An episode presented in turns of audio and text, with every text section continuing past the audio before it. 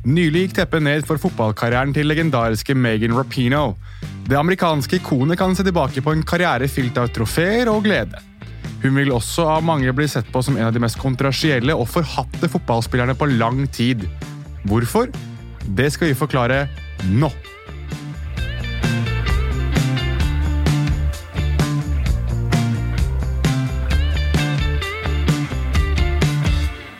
Det populære fotballspillet EAFC, som du tidligere kjente som Fifa, har en spillmodus kjent som Ultimate Team, der spillere får muligheten til å kjøpe og ordne til seg verdens beste spillere for å bygge sitt øh, vel ultimate lag.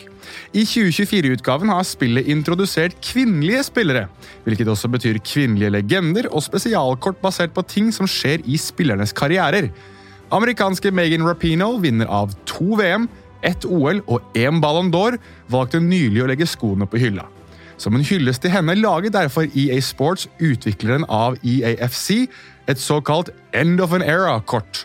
Altså et kort som vanligvis ville vært populært fordi attributtene til spilleren er bedre på dette kortet. I Rapinos tilfelle gikk dette litt andre veien. Hun ble mislikt. Sterkt mislikt. Såpass mislikt ble Rapinos kort at det utviklet seg til å bli en slags trend å anskaffe seg kortet, for så å kaste kortet på søppeldynga blant flere ihuga spillere. Nettstedet Footbin, som er en slags oversikt over alle Ultimate Team-kortene i spillet noensinne, har et rangeringssystem der man kan like eller dislike diverse kort. I snakkende stund har Rapino gått over 50 000 dislikes, altså det mest mislikte kortet i verden. Men hva er det egentlig Rapino har gjort? Teoriene kan være mange, men Rapino har i løpet av sin karriere vært kjent for sine politiske utspill og for å ha tatt sterkt standpunkt i debatter som omhandler tematikk innenfor rase, LGBTQ og kjønnsforskjeller i USA. Rapino har ikke vært spesielt forsiktig eller redd for å mene høylytt, og det er det flere som har reagert på. Et eksempel på dette er da Rapino nektet å stå for den amerikanske nasjonalsangen, og heller satte seg ned på ett kne i 2016. Denne gesten fulgte i fotsporene til NFL-spilleren Colin Kaepernick, som regelrett ble hundset ut av amerikansk fotball for å nekte å stå for den amerikanske nasjonalsangen. Og hvorfor? Fordi Kaepernick og Rapino hadde valgt å sette seg ned på et kne i solidaritet med ofre for den utbredte politivolden og raseskillet som var i fullt fokus i USA. Den gangen hevdet Rapino at dette var hennes patriotiske rett å ikke stå for den amerikanske nasjonalsangen, men samtidig stå skulder til skulder med noen som uthevet en feil i det amerikanske systemet. Dette ledet til at US Soccer, altså det amerikanske fotballforbundet, kunngjorde en lov som hevdet at alle de amerikanske spillerne måtte stå under nasjonalsangen. Rapino forholdt seg til den loven, men nektet å holde hånda over hjertet, slik veldig mange andre av de amerikanske spillerne gjorde, som igjen virket som en slags demonstrativ bevegelse. Her er det viktig å påpeke at US Soccer gikk tilbake på sin lov i 2020, hvilket gjorde at spillerne ikke var pliktet til å stå under nasjonalsangen lenger.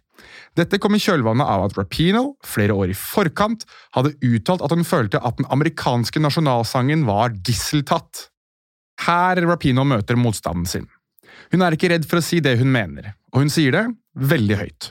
I tillegg så er Rapino en som stiller seg i fronten av enhver krig hun føler angår henne.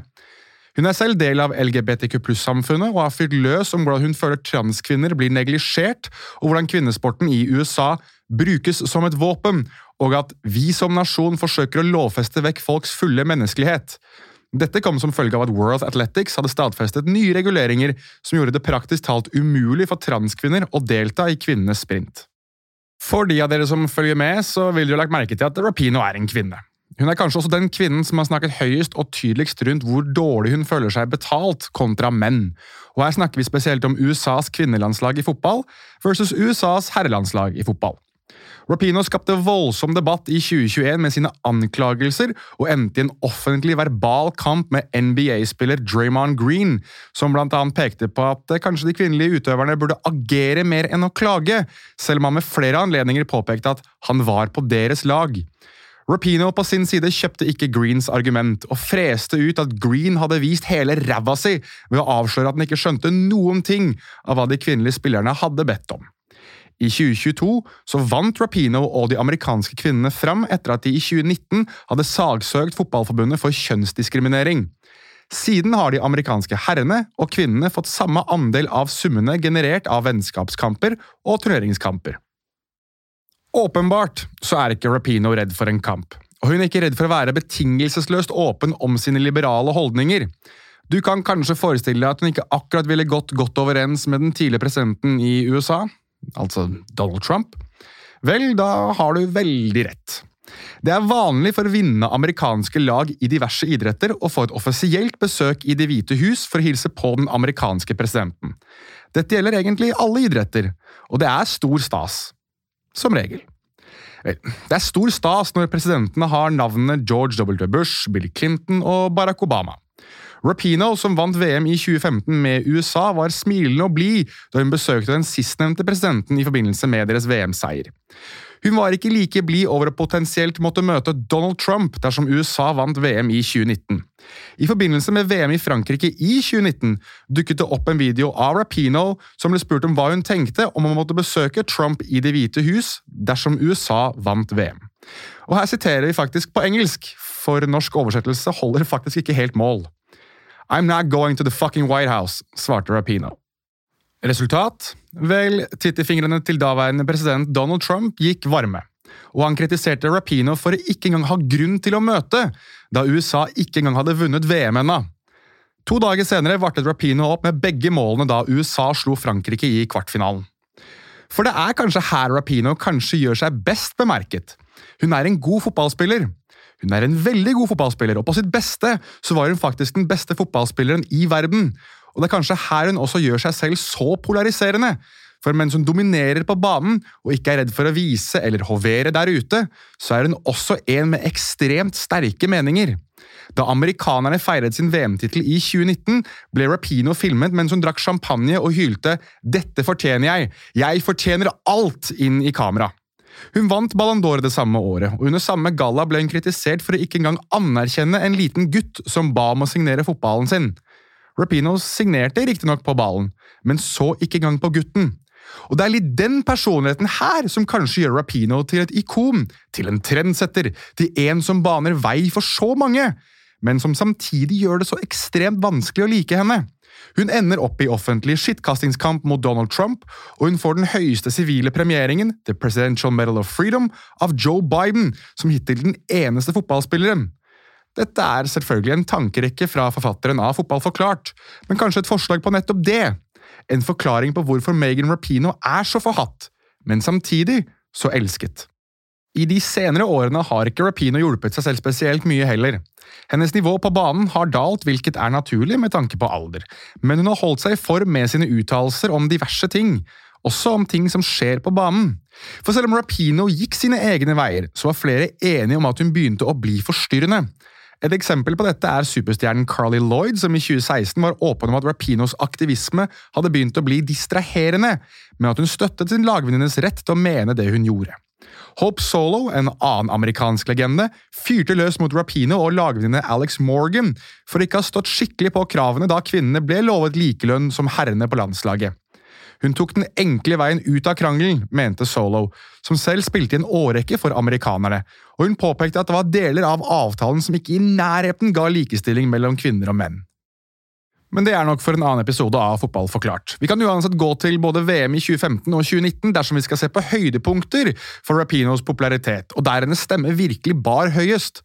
Og så kan vi muligens peke på VM i 2023 som det virkelige bunnpunktet både for Rapino, men også for USA, som røk ut i åttedelsfinalen på straffer mot Sverige.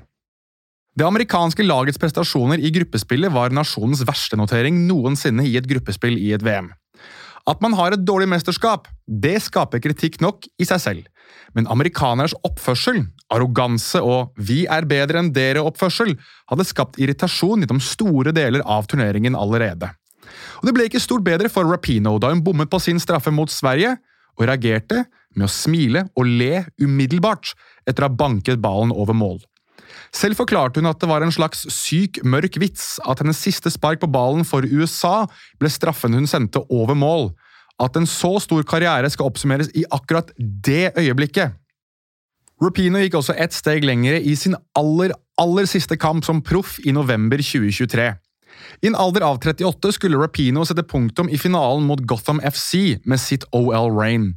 Etter seks minutter så smeller det. Og det smeller noe voldsomt. Akillesen til Rapino ryker, og det som skal være hennes svanesang, en siste opplevelse i en stor karriere, avslutter helt plutselig og helt fryktelig. Men etter kampen passet Rapino kanskje på å gi folk én siste grunn til å både elske henne, men kanskje enda mer, å hate henne. For på pressekonferansen etter kampen holdt hun ikke igjen. Dette er så jævlig. Det er helt jævlig. Seks minutter inn, og jeg mates med akillesen min. Jeg er ingen religiøs person, men altså, om man skulle tro at det finnes en gud, så er dette bevis på at Gud ikke finnes, sa Rapino. Og vips, så er Rapino tilbake i medienes søkelys. Folk freste, nyhetsstasjoner kritiserte, mens en minoritet av mennesker nikket anerkjennende. Hvordan kunne hun finne på å i det hele tatt tro at Gud brydde seg om henne? Var hun så narsissistisk at hun dro Gud og de øvre makter inn i dette? Hvordan kunne Megan Rapino i det hele tatt finne på å si noe sånt? Vel, fordi Megan Rapino har valgt å være seg selv, på godt og på vondt. En av tidenes beste fotballspillere, en av idrettens største aktivister, tidvis et arrogant rasshøl, men samtidig veldig klar over den makten hun har hatt, har og vil ha i framtiden. Som et ikon og et forbilde, men samtidig som public enemy number one. Og nettopp derfor er Megan Rapino dypt elsket og lidenskapelig hatet. Dette var det for Fotball forklart for denne gang. Kilder i tillegg til de du har hørt i podkasten, var New York Times, BBC, Mashable, Footbin, Fifa, CNN, ESPN, US Soccer sin hjemmeside, Twitter, US Today og Sports Illustrated. Takk for at du lyttet.